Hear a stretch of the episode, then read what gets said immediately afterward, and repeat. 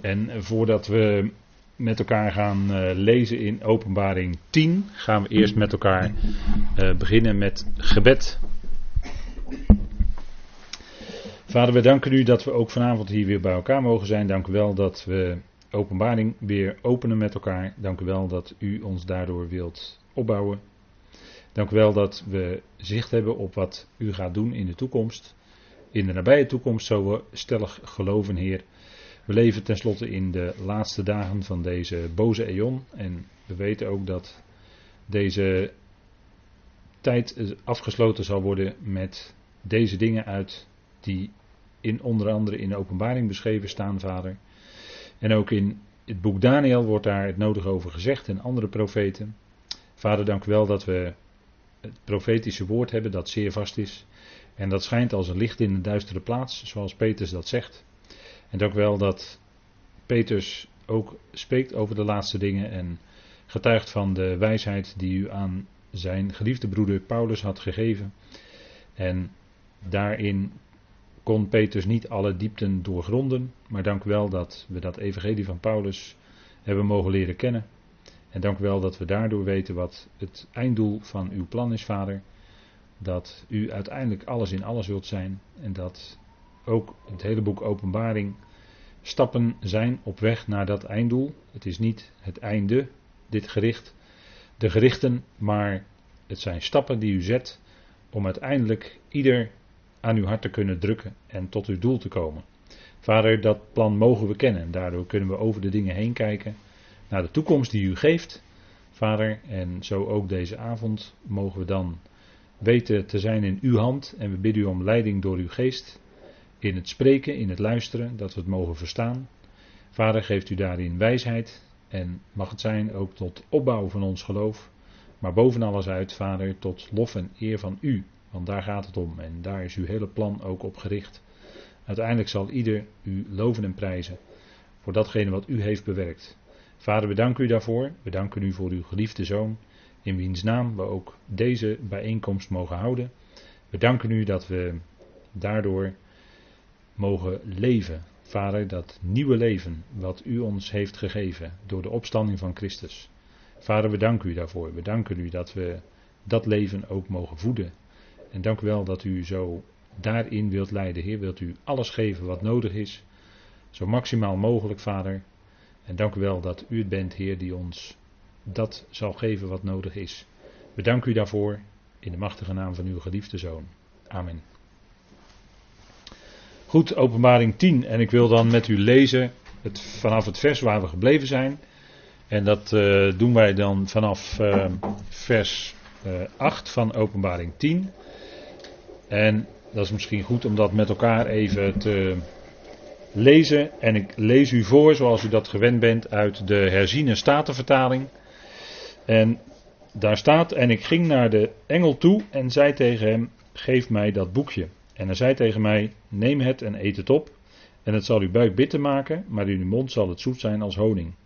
En ik nam het boekje uit de hand van de engel en at het op. En het was in mijn mond zoet als honing. Maar toen ik het opgegeten had, werd mijn buik bitter. En hij zei tegen mij: U moet opnieuw profiteren over vele volken, naties, talen en koningen. Tot zover. Openbaring 10. En als we met elkaar dan even nadenken over deze dingen dan lezen we in dat achtste vers, en dat heb ik daarnet even nog niet gelezen. Maar Johannes hoort dan in, zoals dat in het achtste vers geschreven staat. Hij hoorde een stem uit de hemel, opnieuw. En die sprak tot hem en zei: Ga neem het boekje, boekrolletje. Hebben we vorige keer gezien dat het gaat om een verkleinende vorm in het Grieks een boekrolletje dat geopend ligt in de hand van de boodschapper die op de zee en op de aarde staat. Die hebben we vorige keer met elkaar al gezien, dus daar gaan we nu niet verder op in. Maar diezelfde boodschapper die geeft dat boekrolletje aan Johannes en hij krijgt de opdracht om dat boekrolletje op te eten. Dat is niet nieuw, dat gebeurde wel vaker in de Bijbel. Onder andere bij een profeet als Ezekiel. Die kreeg ook de opdracht om een boekrol op te eten. Dat is natuurlijk een symbolische handeling die de profeet dan krijgt. En uh, dat is eigenlijk wat, uh, ja, wat wij eigenlijk ook doen. Hè? Wij eten eigenlijk dat woord op. In de goede zin, hè. Wij nemen het tot ons. Het is ons voedsel. Het brood van het leven. Het spreekt van Christus, die zelf het brood van het leven is. Hij zei van zichzelf in Johannes 6: Ik ben dat manna dat uit de hemel is neergedaald. En wij eten dan, als we uit het woord tot ons nemen, dan eten we eigenlijk uit Hem. Hij is het woord, Hij is het levende woord.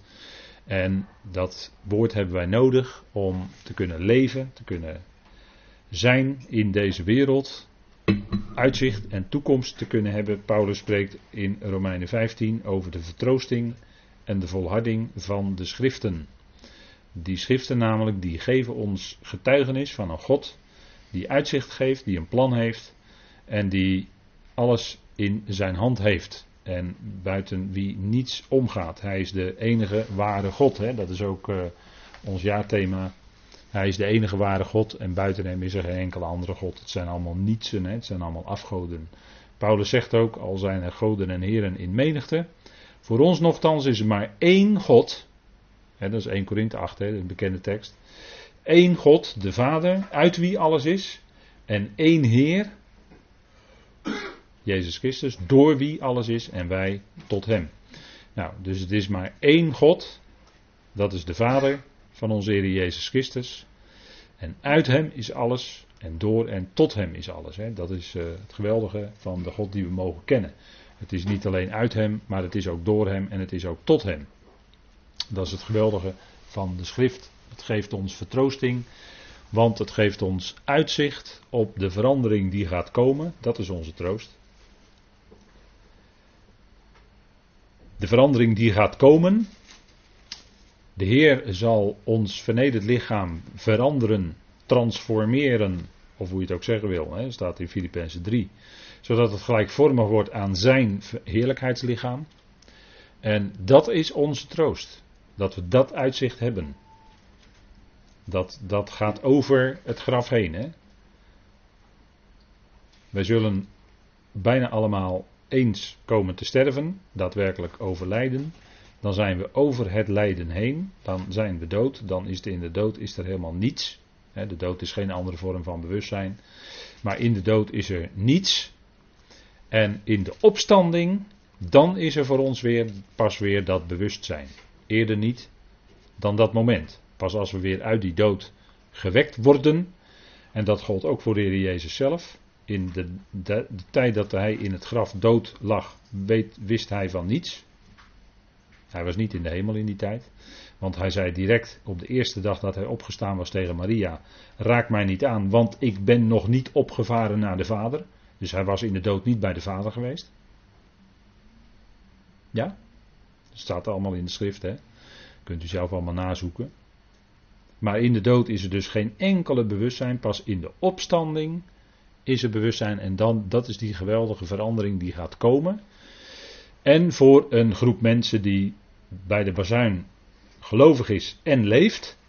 Voor die is er een geweldige verandering. Een geheimenis. 1 Korinthe 15. Wij zullen niet alle ontslapen, maar wij zullen veranderd worden. Als die laatste bazuinstoot plaatsvindt, dan zullen wij veranderd worden. En dat is onze troost, dat is onze verwachting. Daar putten wij moed uit, als, ook als we om ons heen lijden en sterven zien. Dan hebben we nochtans die vertroosting van de schriften. Uitzicht, verwachting van heerlijkheid die gaat komen. En die heerlijkheid die komt, dat is ook die grote verandering. En daarin zit de troost. En de echte troost kan ook alleen maar uit de schrift komen. God is de God van alle vertroosting en de vader van het medelijden. En die kan troosten en meelijden als geen ander. Dus daarin hebben we geweldig die schriften. En die eten wij ook in zekere zin, figuurlijk gesproken, op. Wij eten de schriften op als het goed is. Als je gelovig bent geworden, dan heeft u waarschijnlijk ook die ervaring gehad dat u een enorme honger had naar het woord. Wilde niets anders dan het woord, het woord, het woord. En dat is ook een teken dat die geest in je is komen wonen. En die wekt in jou dat verlangen en de honger naar dat woord van God.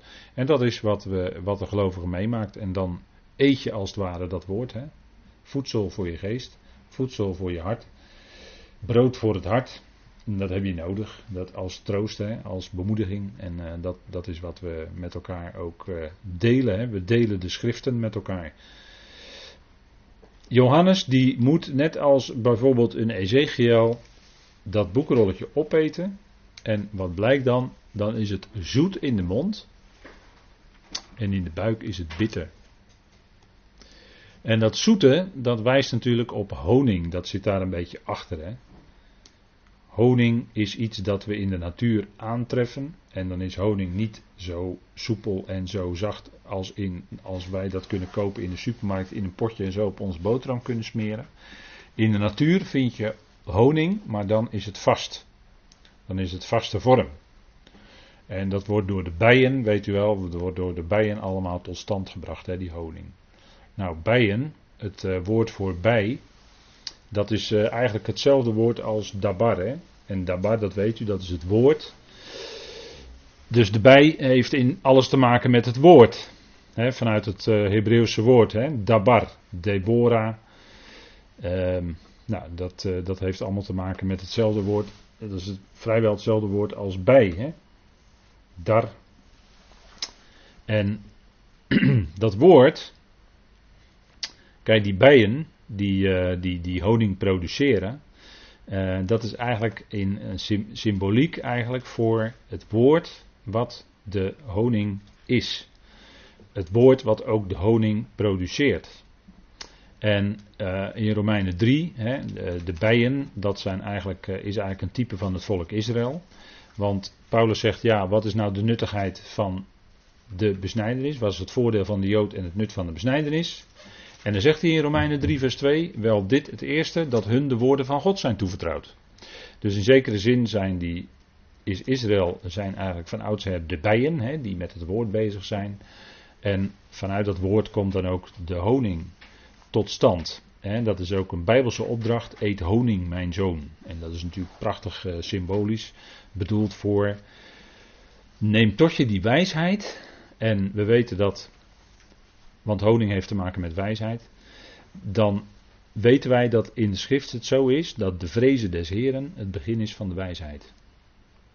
de, vrezen van, de vrees van JW, de vrees van Yahweh, is het begin van alle wijsheid. Dat betekent ook dat je eerbied hebt voor zijn woord. Als je respect, vrees hebt voor God, als je dat zegt, dan heb je ook eerbied voor zijn woord. En dan wil je ook onder dat woord stellen.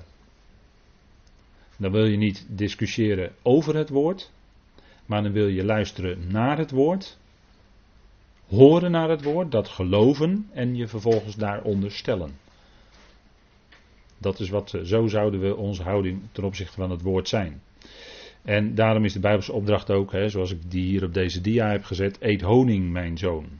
Hè, Spreuken 24, vers 13. En die zoon, dat is dan natuurlijk allereerst een type van de Heer Jezus Christus. Die, uh, elke zoon die genoemd wordt in de Bijbel, is in principe een type van hem. Elke jongeling, dat is een type van de opgestane Christus. Waarmee zal de jongeling zijn pad rein bewaren, zegt Psalm 119. Als hij dat houdt naar uw woord. En de Heer Jezus deed dat ook. Daarmee hield hij zijn pad rein. Want hij hield het naar het woord wat hij hoorde van de Vader dus Psalm 119 spreekt daar ook over de Heer Jezus Christus. En eet honing, dat, zien, dat lezen wij in Spreuken 24. En Spreuken is natuurlijk spreekwoordelijk uh, het boek van de wijsheid. Het behoort tot uh, wat men dan zegt tot de wijsheidsliteratuur. Nou, laten we maar eens even opslaan wat daar staat. Eet honing, mijn zoon. En in een beeld gesproken, hè, als je dit nu wilt toepassen, want willen graag, hè, veel mensen willen ook graag directe toepassing hebben voor het dagelijks leven. Nou, daar komt hij dan. Eet honing, dat is dus, neem dat woord van God tot je, want daarin zit de wijsheid voor je levenspad. Wil je wijsheid hebben hoe je moet leven? Neem dan het woord tot je, want dan zul je die wijsheid ook gaan krijgen. Dat is spreuken, hè? Eet honing, mijn zoon, want dat is goed, hè, dat is tof. En honingzeem is zoet voor je gehemelte. Is zoet voor je binnenste. Hè, voor je ingewanden. En je gehemelte wijst natuurlijk naar. Ja, het woord wijst hier naar uh, misschien wel inderdaad dat gehemelte boven in je mond, weet je wel. dat gaat dus naar boven toe. Je, hè, het gaat je gedachten beheersen, het gaat je denken overheersen. En daardoor ook je hart. Hè, want in de Bijbel hebben de gedachten en het hart alles met elkaar te maken. En dan gaat het je hart bepalen. En dan ga je ook handelen. Of soms juist niet handelen, omdat je het woord volgt. Omdat je de principes van Gods woord vasthoudt. En wat was er nu nog meer zoet in de Bijbel? Want dat, dat sluit direct kort dan. Hè? Je kunt zeggen, dan krijg je kortsluiting. Wat was er nou nog meer zoet in de Bijbel? Nou, u ziet die manna. Wat is dat? He, wat is het? Dat, dat witte als koriander. Wat is dat? En ze proefden het en het was zoet. Exodus 16, hè? Exodus 16. Vaste spijzen. He, zoet was het manna. En het manna is een type van het woord van God natuurlijk. Is een type van de Christus. Dat zei de Heer Jezus toch? Ik haalde het net al aan. Johannes 6. Hij zegt: Ik ben dat manna. Dat uit de hemel is neergedaald. Ik ben dat brood van het leven. En hij werd toch ook geboren in Bethlehem, het broodhuis. Natuurlijk, het brood van het leven wordt natuurlijk geboren in het broodhuis. Dat is nogal wiedes, hè. En de, de fariseeën en schriftgeleerden wisten het wel hoor, in Micha 5 vers 1. Hè. Ze wisten het wel. Uit u, Bethlehem, Efrata, zou hij komen. En Efrata was de plaats waar Rachel overleed, weet u wel. Want daar gaf zij geboorte aan Benjamin. En zij overleed. En hij mocht niet heten Benoni. Nee, Benjamin moest hij heten. Benoni is namelijk zoon van mijn smart. Maar hij moest Benjamin heten, zoon van mijn rechterhand. Kijk, daar overleed Rachel. Daarom gebeurde dat in Efrata. En in Efrata zit vanuit het Hebreeuws ook de wortel van vruchtbaarheid. Denkt u maar aan Ephraim, dubbele vrucht. Dan hoort u Efra. Hoort, u hoort het hè? Efrata, Ephraim heeft te maken met vruchtbaarheid. Dat woord zou dus vrucht moeten dragen onder dat volk. En Benjamin was natuurlijk ook in zekere zin een type van de Heer. Maar de Heer kwam later zelf, werd hij geboren in Bethlehem. Die bij gelegenheid toen de stad van David werd genoemd. Want men zegt altijd dat Jeruzalem de stad van David is. En dat is ook zo, de stad van de grote koning. Maar toen werd Bethlehem de stad van David genoemd. Hè? Toen de Jezus geboren werd, weet u wel. Als natuurlijk een beeld van dat hij als de nazaat van David daar geboren zou worden met alle troonsrechten op de troon van heel Israël. Kijk, en ik, ik vertel dit om u even te laten zien hoe, je, hoe de schrift kortsluiting maakt met die dingen. Hè? Hoe die dingen allemaal met elkaar verbonden zijn. En dat er nooit iets zomaar uit de lucht komt vallen hè, in de schrift. Dat is, heeft allemaal te maken met, uh, met de Heer, het, het verwijzen naar de Heer, dat Hij geboren zou worden, want de schrift draait om Hem. Nou, kijk, die honing, dat is ook vaste spijs, hè? Vast voedsel. En vast voedsel, dat is in de schrift uh, een beeld van de diepere wijsheid. Hè? Paulus die heeft er dan over melk, weet u wel? Melk. Ja, dat is voor de baby's. Baby's drinken melk, maar dat is maar een korte periode. En daarna is het de bedoeling dat de mens vast voedsel zou gaan eten. En dat geldt ook voor de gelovigen natuurlijk. Je begint in het geloof als een baby en dan drink je heel veel melk. Maar dat zijn de basisbeginselen van Gods woord. En daarna heb je vast voedsel nodig. Daar is honing in de natuur een type van. Dat is namelijk die wijsheid die dan ook tot je, hè, die je dan gaat krijgen. Die diepere dingen van God, de diepere wijsheid van God. Ja, dat is vast voedsel uit de schrift. En de gelovigen in Korinthe die kwamen niet aan dat vaste voedsel toe want dat, dat zouden ze eigenlijk al tot zich moeten nemen. Maar Paulus kon ze alleen nog maar melk geven. De basisbeginselen van Gods woord. Van het evangelie. Hij kon niet verder met ze komen.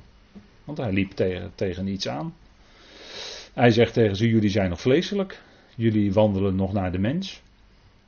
als er onder jullie uh, twisten en oneenigheid is. En als er splitsingen zijn. als er groepjes zijn. Ja, dan wandel je nog steeds naar de mens, zegt Paulus. Dan ben je nog vleeselijk. Dan ben je nog onmondig in Christus. En dan ben je dus niet toe op dat moment aan die wijsheid, want dan kon die wijsheid kon hij niet bij ze kwijt. Dat zegt hij toch in 1 Korinthe 2 allemaal. Dat hij die wijsheid van God niet bij hen kwijt kon, dat vaste voedsel, kon hij niet aan hen uitdelen. Nou, de honing is dus een, is een prachtig mooi type van die wijsheid van God. Hè? En uh, het land Israël was natuurlijk ook het land vloeiende van melk en honing. Ja, inderdaad. En dat melk en honing, dat is allebei natuurlijk een beeld van het woord van God. Dat kan ook niet anders. Nou, en dan, wat is dan dat bittere? Hè? Want Johannes die at, en dan gaan we even terug naar openbaring 10. Hè? Johannes, Johannes die, uh, die uh, at dat op. En het was zoet in de mond. Eet honing mijn zoon, want het is zoet voor je verhemeld. En hier was de boekrol. Die sprak van de wijsheid van God. En het was bitter in zijn buik. En buik in de schrift heeft te maken met, in, als, als een type heeft het te maken met um, de aardse dingen of een aardse gezindheid, een aardse gerichtheid. En daarom zegt Paulus dat hij wenend was, hij huilde om de gelovigen. Waarom? Omdat zij in de praktijk wandelden als vijanden van het kruis van Christus. En dan zegt hij in één adem erbij, en dat is Filippenzen 3. Hun God is de buik. letterlijk het onderlijf, maar de buik, met andere woorden, dat, en, en, ze zijn gericht op aardse dingen. Dat, staat, dat staat allemaal in Filippenzen 3. Hè? Dat staat er allemaal. Dat, ze, dat ze dan aardsgericht zijn.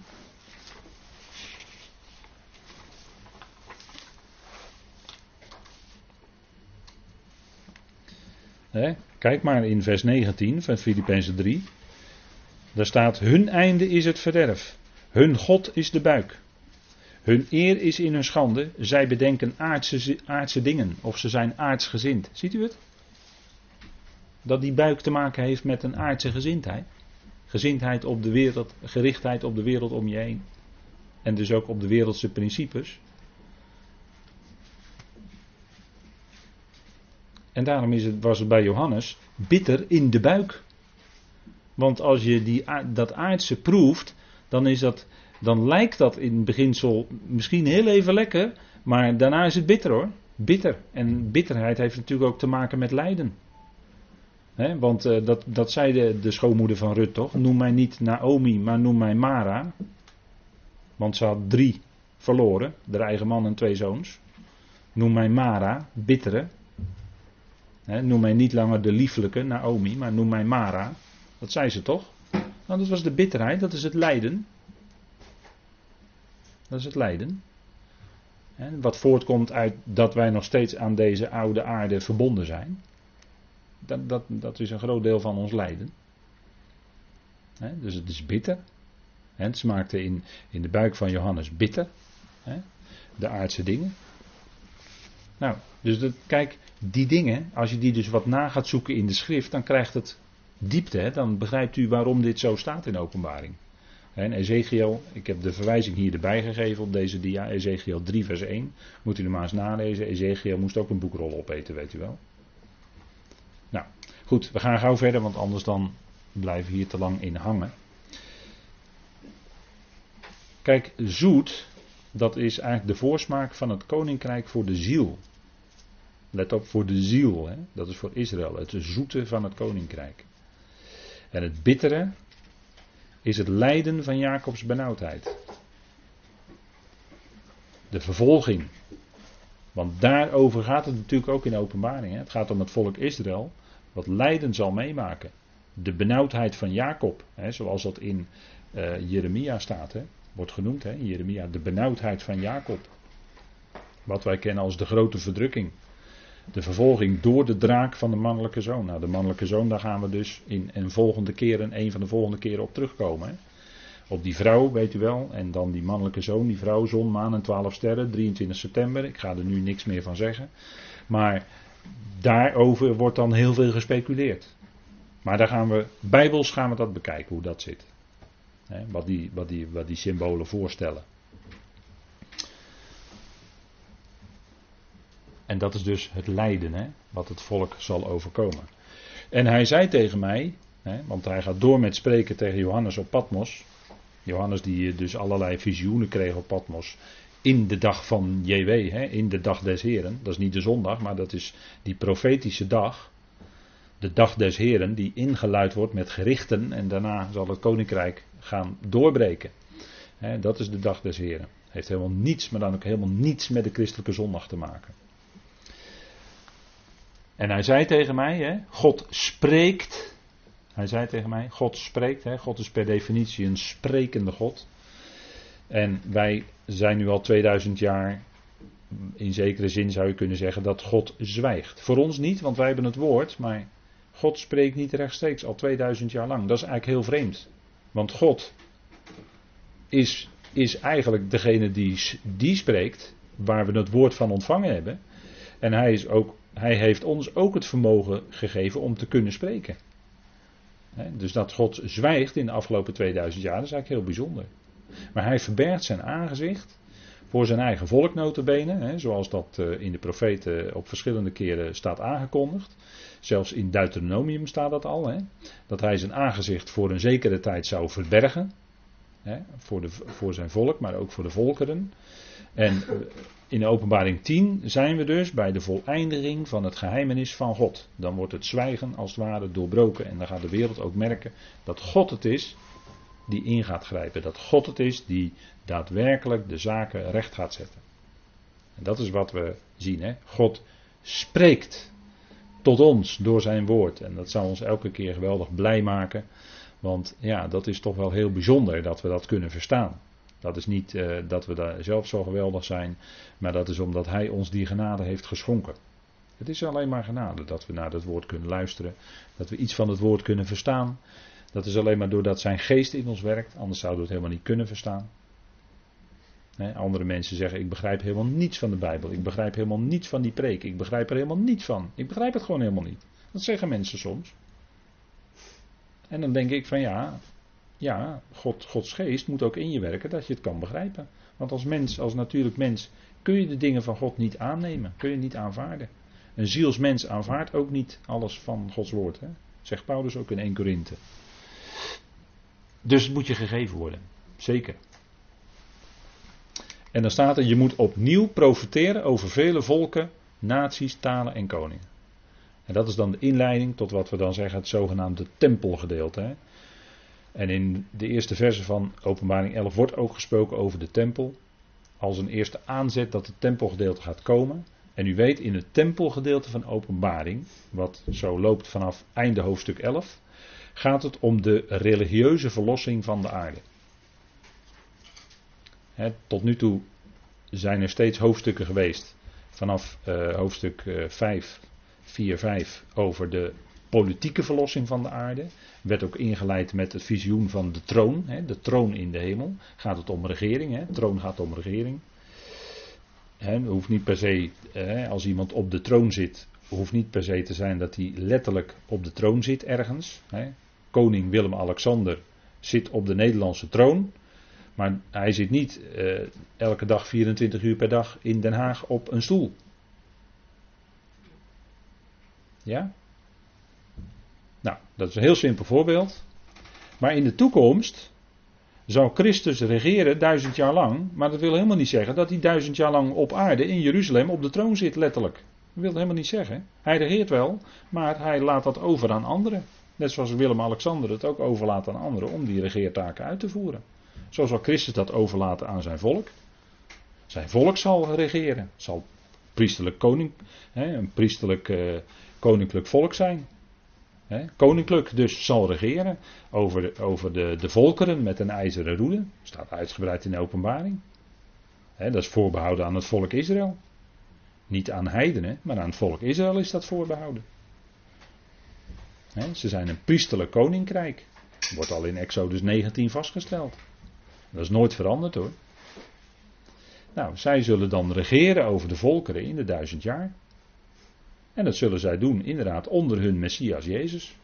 Maar dat wil helemaal niet zeggen dat de Heer Jezus duizend jaar lang op de troon in Jeruzalem zit. Dat, dat wil helemaal niet zeggen hoor. Want bij gelegenheid is hij te midden van de hemelingen en geeft hij ons aanwijzingen wat wij moeten doen. En is hij helemaal niet zichtbaar. Terwijl hij toch regeert vanuit Jeruzalem over de hele aarde. Als Messias. En David zal daadwerkelijk wel koning zijn in Israël. Hè? Maar dat ga ik niet herhalen, daar hebben we een stuk of 5, 6, 7 teksten van. Hè? Hebben we met elkaar bekeken al. Dus dat, is, dat wordt uitgebreid, duidelijk vastgesteld in de profetieën. Dat David zal regeren als koning, als herder over dat volk. Dat staat gewoon heel letterlijk David. En we moeten de Bijbel altijd eerst letterlijk nemen. Dus je moet opnieuw profiteren over vele volken, naties, talen en koningen. Dus het gaat wel degelijk de hele volkerenwereld aan. En dan staat er in openbaring 11.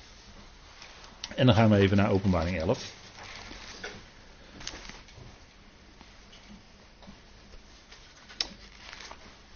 En we zullen dat eerst dan even samen met elkaar lezen, een aantal versen. Openbaring 11, dat wil ik dan eerst even met u lezen. Tot en met vers 7.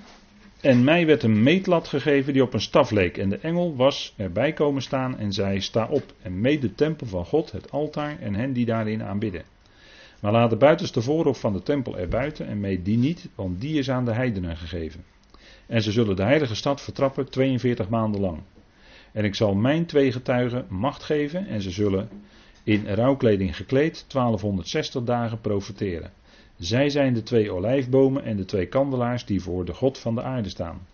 En als iemand hun schade wil toebrengen, komt er vuur uit hun mond en verslindt hun vijanden. En als iemand hun schade wil toebrengen, moet hij op dezelfde manier gedood worden. Zij hebben macht de hemel te sluiten, zodat er geen regen zal vallen in de dagen dat zij profiteren. En ze hebben macht over de wateren, om die in bloed te veranderen en de aarde te treffen met allerlei plagen, zo vaak zij dat willen. En wanneer zij hun getuigenis volbracht hebben, zal het beest dat uit de afgrond opkomt oorlog tegen hen voeren en het zal hen overwinnen en hen doden. Even tot zover. Dat is openbaring 11. En we zien hier een symbolische handeling. Mij werd een meetlat gegeven, zegt uh, Johannes, die op een staf leek en één zei, en dat is en één van de boodschappers, want daar zijn een aantal boodschappers, is hier sprake van, hè, zeven boodschappers. En een van de boodschappers, daar gaat het in feite om, zij sta op en meet de tempel van God en het altaar en hen die daarin aanbidden. Dus Johannes moest drie dingen meten: de tempel van God, het altaar en degene die daarin aanbidden. Die drie dingen moest hij meten. zo, zo, eh, zo staat dat hier. En dat is een symbolische handeling, dat meten. Want wij vinden dat bijvoorbeeld ook terug. Hè, en dat letterlijke, of dat meten wat Ezekiel dan moest doen. Van die nieuwe tempel. Hè, Ezekiel 40 tot 42. Als je dat leest, dan staat er voortdurend dat hij moest meten, maar dan worden ook de maten erbij gegeven. En hier worden de maten niet gegeven. Er wordt alleen gezegd dat hij moest meten, meer niet. Terwijl in Ezekiel uitgebreid de maten worden gegeven van die magnifieke tempel die in de duizend jaar zal staan. Dat is niet de tempel van God waarin de wetteloze zich zal zetten, want die zal dan nog verwoest worden. Maar dat is een hele nieuwe tempel met een, met een enorm terrein, een enorme tempel die opgebouwd zal worden aan het begin van de duizend jaar.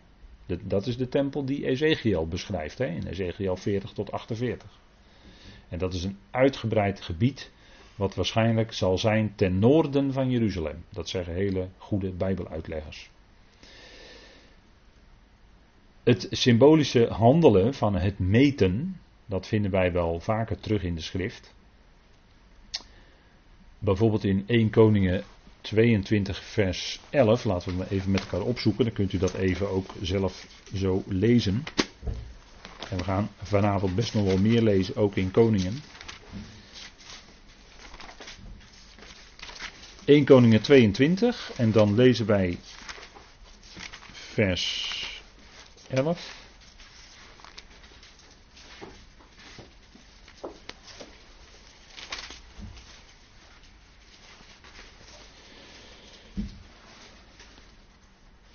Is, uh, pardon, dat is een symbolische handeling op zich. Het gaat hier nog niet om het meten, maar om een symbolisch handelen. Dat dat vaker voorkomt in de schrift. Daar gaat het eigenlijk om. Dat moesten profeten vaker doen. We lezen daarvan een voorbeeld dus in 1 Koningen 22. En Zedekia, de zoon van Kenaana, had ijzeren horens voor zichzelf gemaakt en zei, zo zegt de Heer, hiermee zult u de Syriërs neerstoten, totdat u hen vernietigd hebt. En horen, dat weten we, is een beeld van kracht, van macht. van, denk, denk maar aan die horens van die uh, bokken in uh, Daniel en dergelijke. En hoorn is een beeld van kracht, ook van koninklijke macht. David werd gezalfd uit een hoorn, olie uit een hoorn. Uit een hoorn, ramshoorn. Werd David uitgezalfd. Symbolische handeling als teken dat hij het koningschap zou krijgen. En dat had die horen alles mee te maken. Nou, zo vinden we nog wel meer van die symbolische handelingen. Bijvoorbeeld Jeremia 13. Laten we het ook even met elkaar opzoeken. Dat is weer een hele andere. We vinden het ook bij Ezekiel. Hè. Maar in Jeremia 13 moest, uh, moest Jeremia een, uh, een juk op zich nemen. Dat is natuurlijk ook een symbolische zaak.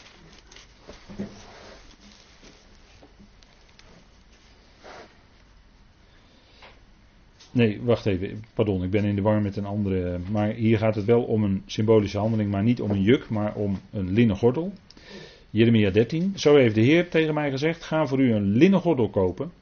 Doe hem om uw middel en laat hem niet in het water komen. En dan moet hij daar diverse dingen mee doen.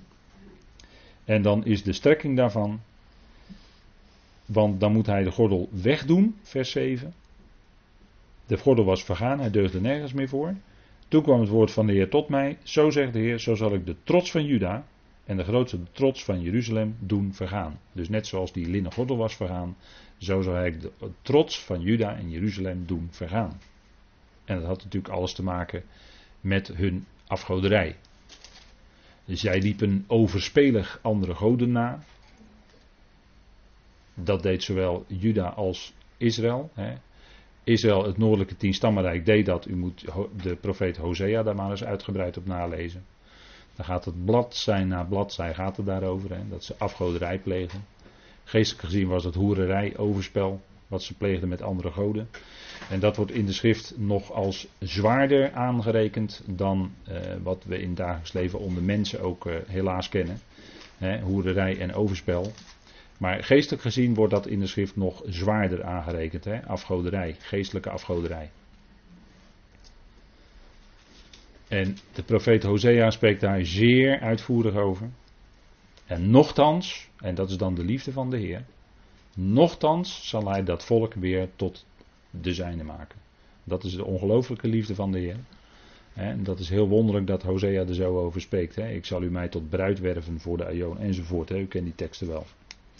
En dat gold later ook voor Juda, want eerst werd Israël, hè, het noordelijke tienstammenrijk, werd in 722 voor Christus weggevoerd uit, uh, uit hun land, hè, uit, het, uit het noordelijke gedeelte, door de Assyriërs, weet u wel.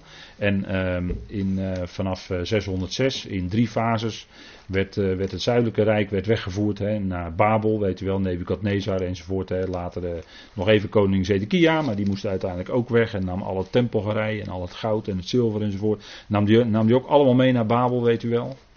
Hè. En dan ging Belshazzar, die ging daar later uit feest vieren en drinken. En dat werd de ondergang van Belshazzar, hè. Daniel 5, weet u hè. Schrift op de muur. Tempelgerij gebruiken voor jouw afgodenfeestjes.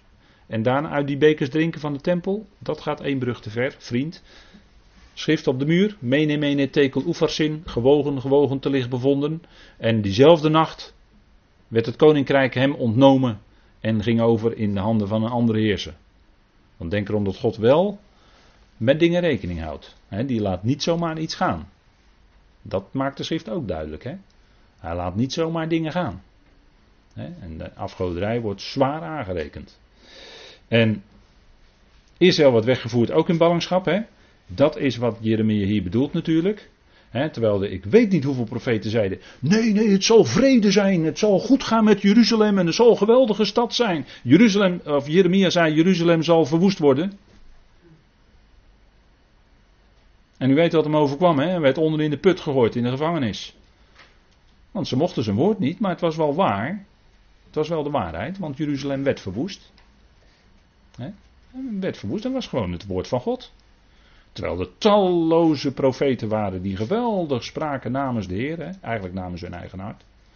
En zeiden dat vrede zou zijn. Jeremia zei, Jeruzalem wordt verwoest. Het zal dus geen vrede zijn. En dat was de waarheid. Want zo kwam het woord uit. Hè? En dat is de ware profeet.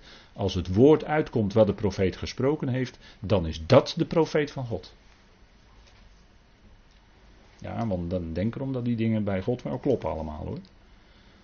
Daarom is hij ook de enige ware God, want hij voorzegt en het gebeurt ook. Moet u maar eens nalezen, Jezaja 44. Hè? Daarom is hij de enige ware God. Omdat hij spreekt en het gaat ook gebeuren. Het kan honderd jaar duren, het kan duizend jaar duren, het kan tienduizend jaar duren. Maar als God het gesproken heeft, dat gaat een keer gebeuren. Dat gaat een keer gebeuren. Vast en zeker. Kijk, dat is het woord, hè? Dat is het woord. En daarom zouden wij eigenlijk, hè, eh, zoals de profeet het ook zegt, daarom zouden we eigenlijk in de goede zin sidderen voor dat woord van God. Namelijk diep ontzag en eerbied en respect voor het woord hebben. Nou, vanuit God, hè, symbolisch handelen. En dan staat hier, we gaan even terug naar de openbaring 11. Hem werd een meetlat gegeven. Dus aan Johannes werd dat gegeven. Dat zie je verschillende keren in openbaring. Bijvoorbeeld openbaring 6. Hè. Dat hebben we al met elkaar besproken hoor. Maar er staat er iets werd gegeven. Door wie? Door God. En als God het niet zou geven, zou het niet mogelijk zijn. Omdat Johannes het hier kreeg, laten we maar zeggen die meetlat, kon hij meten. Het werd hem van Gods wegen gegeven. Anders had hij het niet kunnen doen.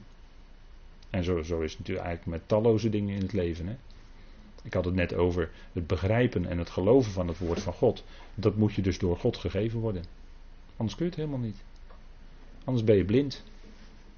Net, net zoals de, de, de geestelijke leiders van het volk Israël, de, de, de, het Sanhedrin enzovoort, nog steeds geestelijk blind zijn. Waarom? Nou, omdat God hun een geest van diepe slaap heeft gegeven, een geest van verdoving.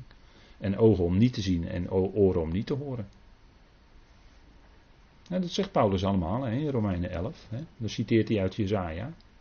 Jezaja 8, 29, die koers. Hè.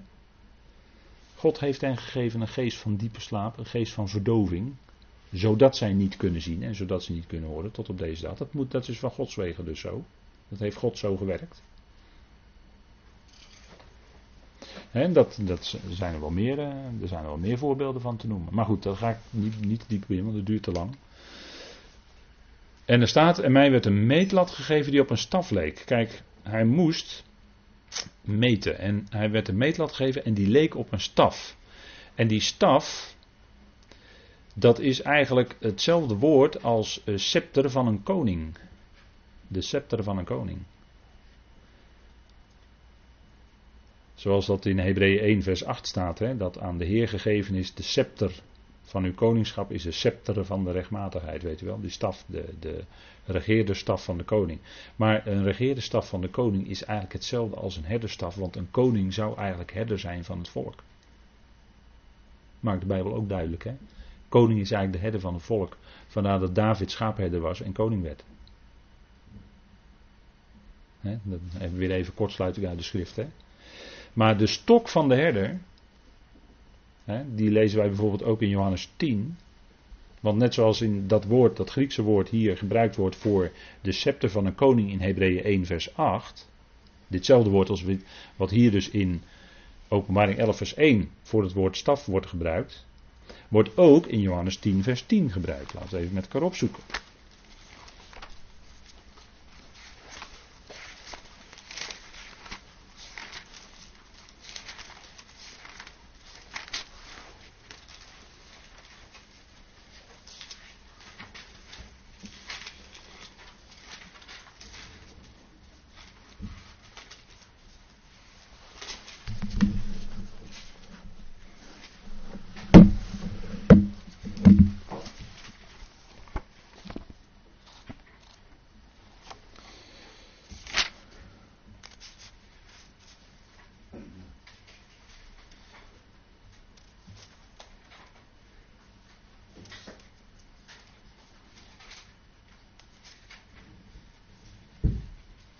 Nou wil ik even. Nou wil ik even nakijken, om Johannes 10, vers 10. Ik heb misschien een incorrecte verwijzing. In vers 16 staat de zonderheden. En in vers 26. Even kijken hoor. Ja. Dan zoeken we dat heel even.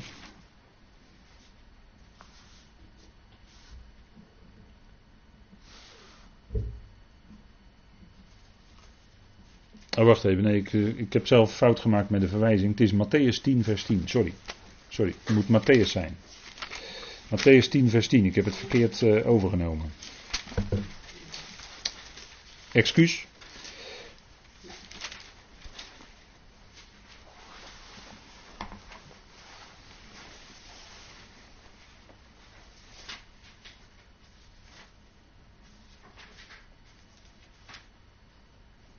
Voorzie u niet van goud of zilver, dat wordt dan tegen de discipelen gezegd die erop uit worden gestuurd.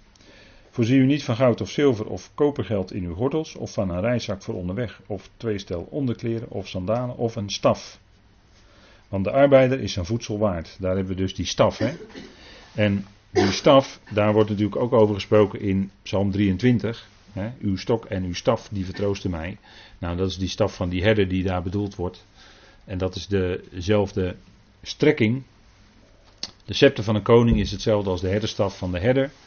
En u ziet hier het plaatje van uit de verfilming van het leven van Esther, die tot koningin wordt gekroond.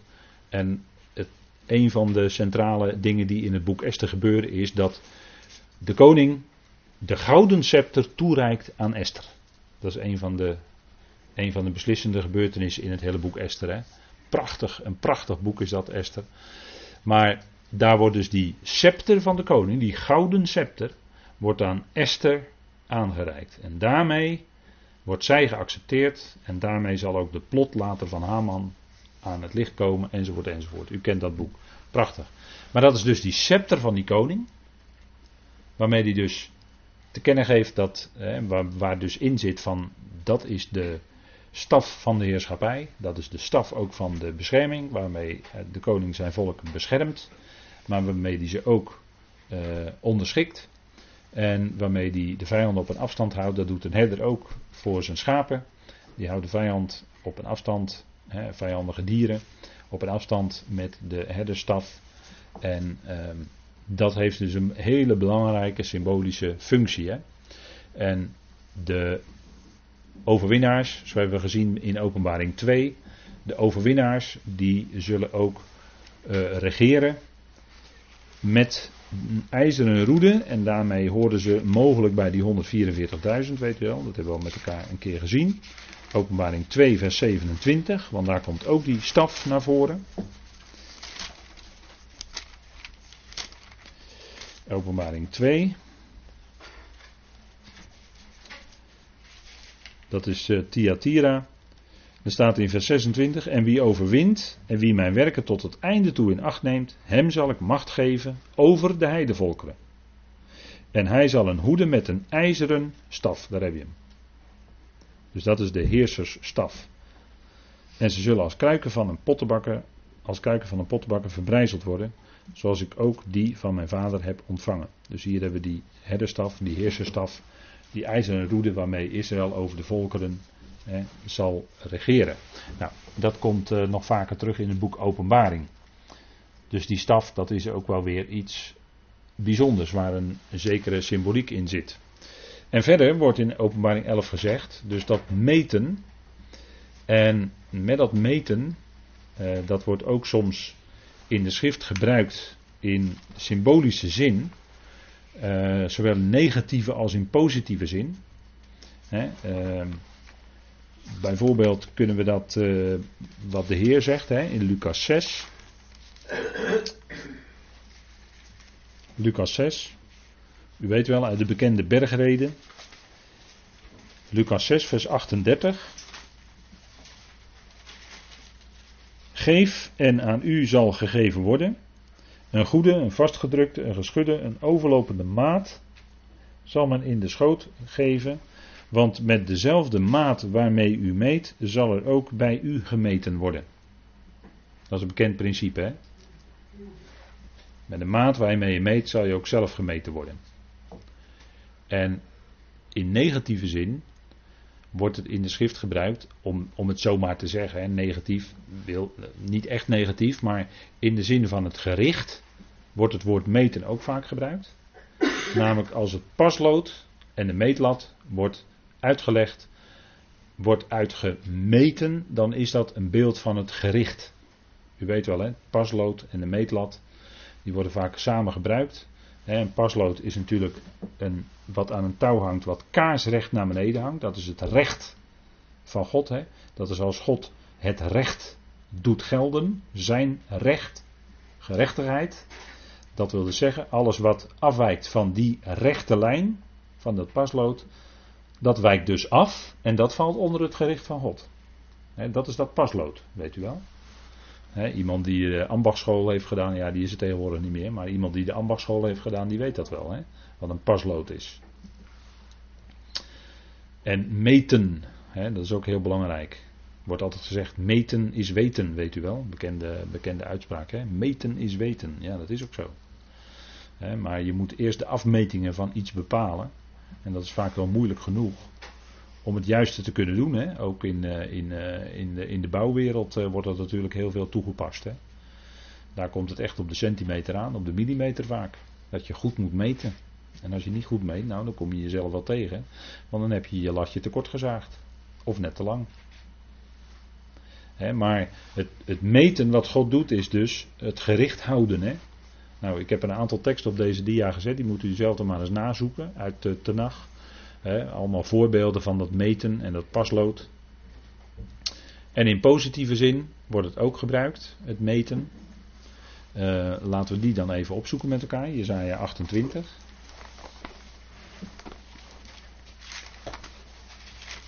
Kijk, om u te laten zien, als je in openbaring zit, dan zit je aan het einde van de Bijbel. Hè?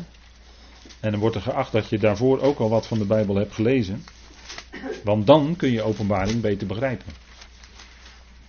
En daarom laat ik u wat dingen zien over dat meten, hoe dat in de schrift gebruikt wordt. Zodat u kunt vaststellen van hé, hey, we zitten nu in openbaring, dat is een van de latere boeken van de Bijbel. Dan moeten we eigenlijk weten wat dat meten is. En wat het symbolisch ook voorstelt.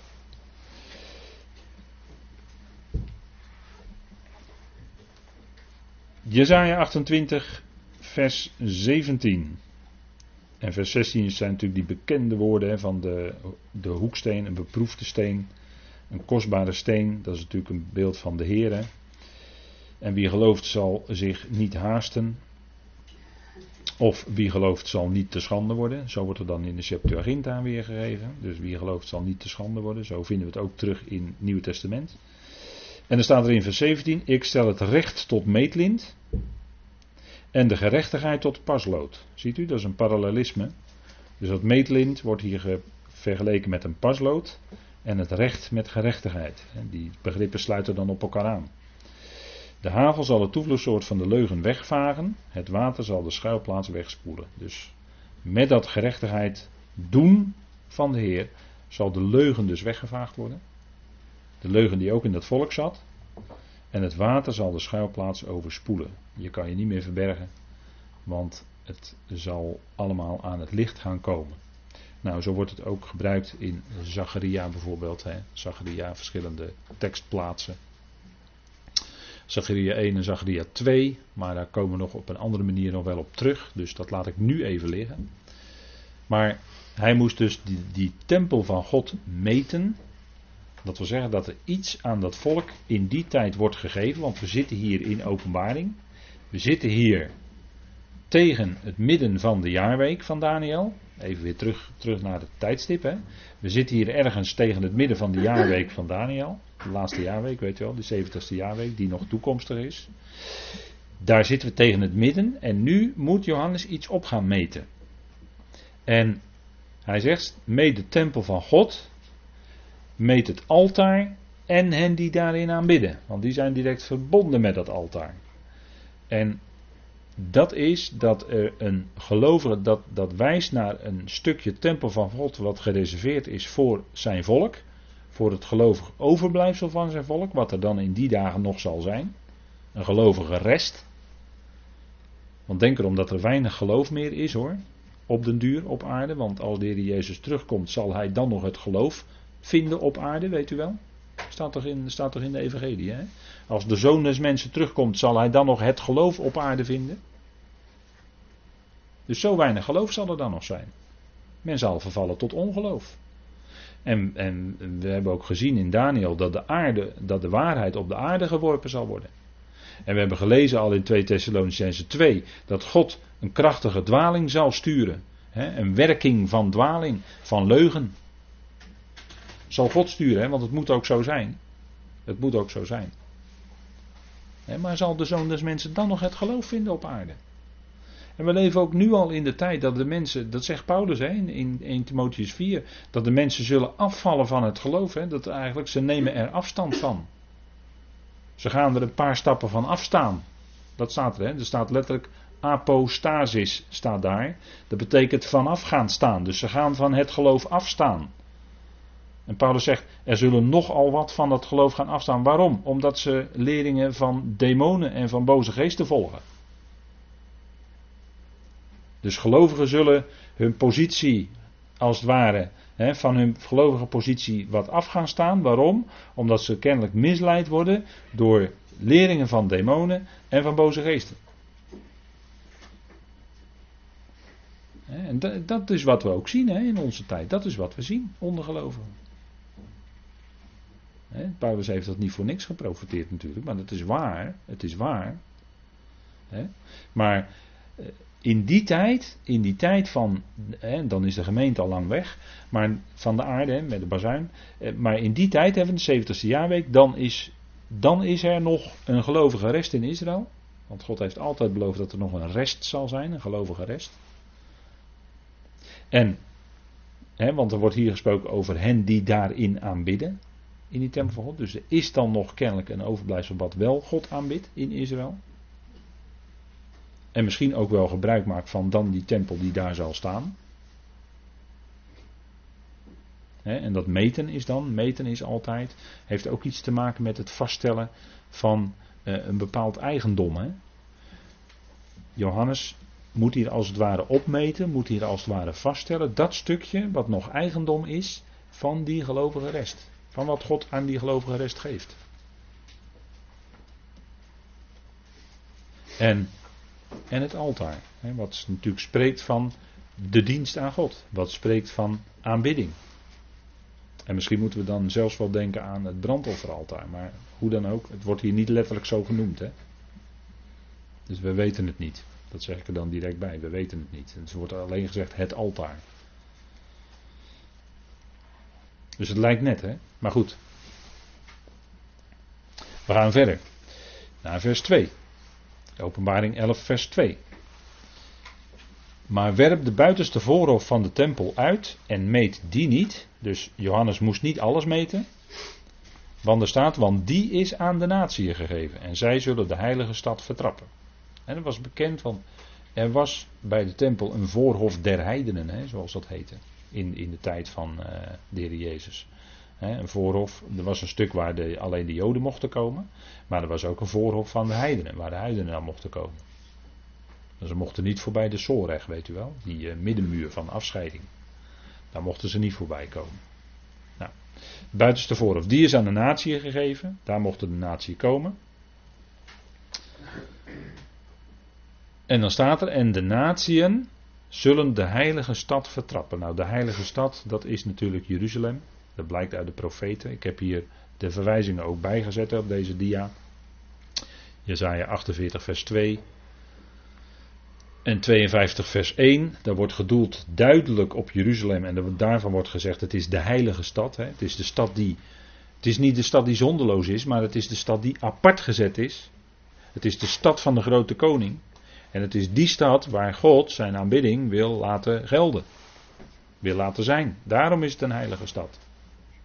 Het is het centrum van de aarde. En, en, en uh, Jeruzalem is de lastige steen die de volkeren zullen, zullen heffen. En ze zullen zich deerlijk verwonden daaraan. Hè. het is scherp en ze zullen, zich even, ze zullen zich daaraan diep snijden, staat er dan. Hè, in Zacharia, waar ik nu even aan refereer. En dat is ook wat we in onze tijd natuurlijk zien. En wat nog veel, veel sterker zal worden.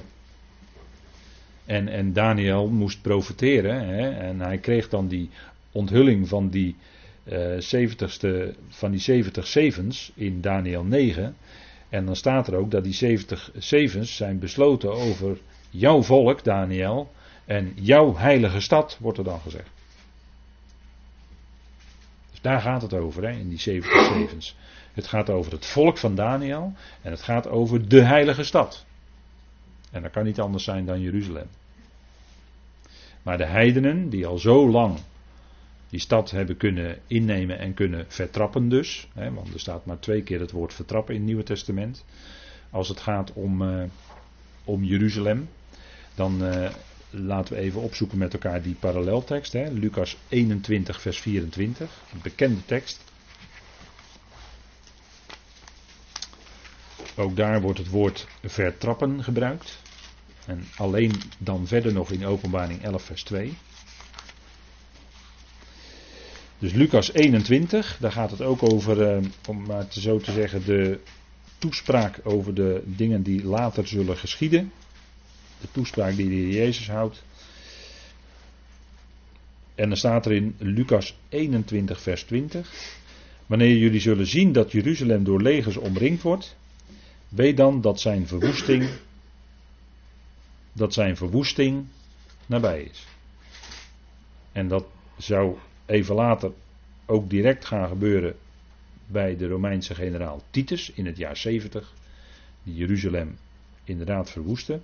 Maar dit is natuurlijk ook een profetie over nog veel verdere toekomst. Als Daniel 9 ook in vervulling zal gaan en Jeruzalem nogmaals verwoest zal worden. Daar wijzen deze woorden ook op. Laten dan wie in Judea zijn vluchten naar de bergen. En wie in het midden zijn daaruit wegtrekken en wie op de velden zijn er niet ingaan. Want dit zijn de dagen van wraak, opdat al wat geschreven staat vervuld wordt. Wee, maar wee de zwangeren en de zogenen in die dagen, want er zal grote nood zijn in het land. En toren of verontwaardiging over dit volk. Dus dit is de verontwaardiging van God over dit volk. Dat is die tijd van grote verdrukking. Die wordt hier ook genoemd. Verontwaardiging over dit volk. Dus de grote verdrukking wordt ook de verontwaardiging genoemd. De toren, de verontwaardiging van God. En de gemeente wordt weggenomen voor de verontwaardiging komt. Hè? Dus voor de grote verdrukking. Dat staat hier. Hè? Er zal grote nood zijn in het land en verontwaardiging over dit volk.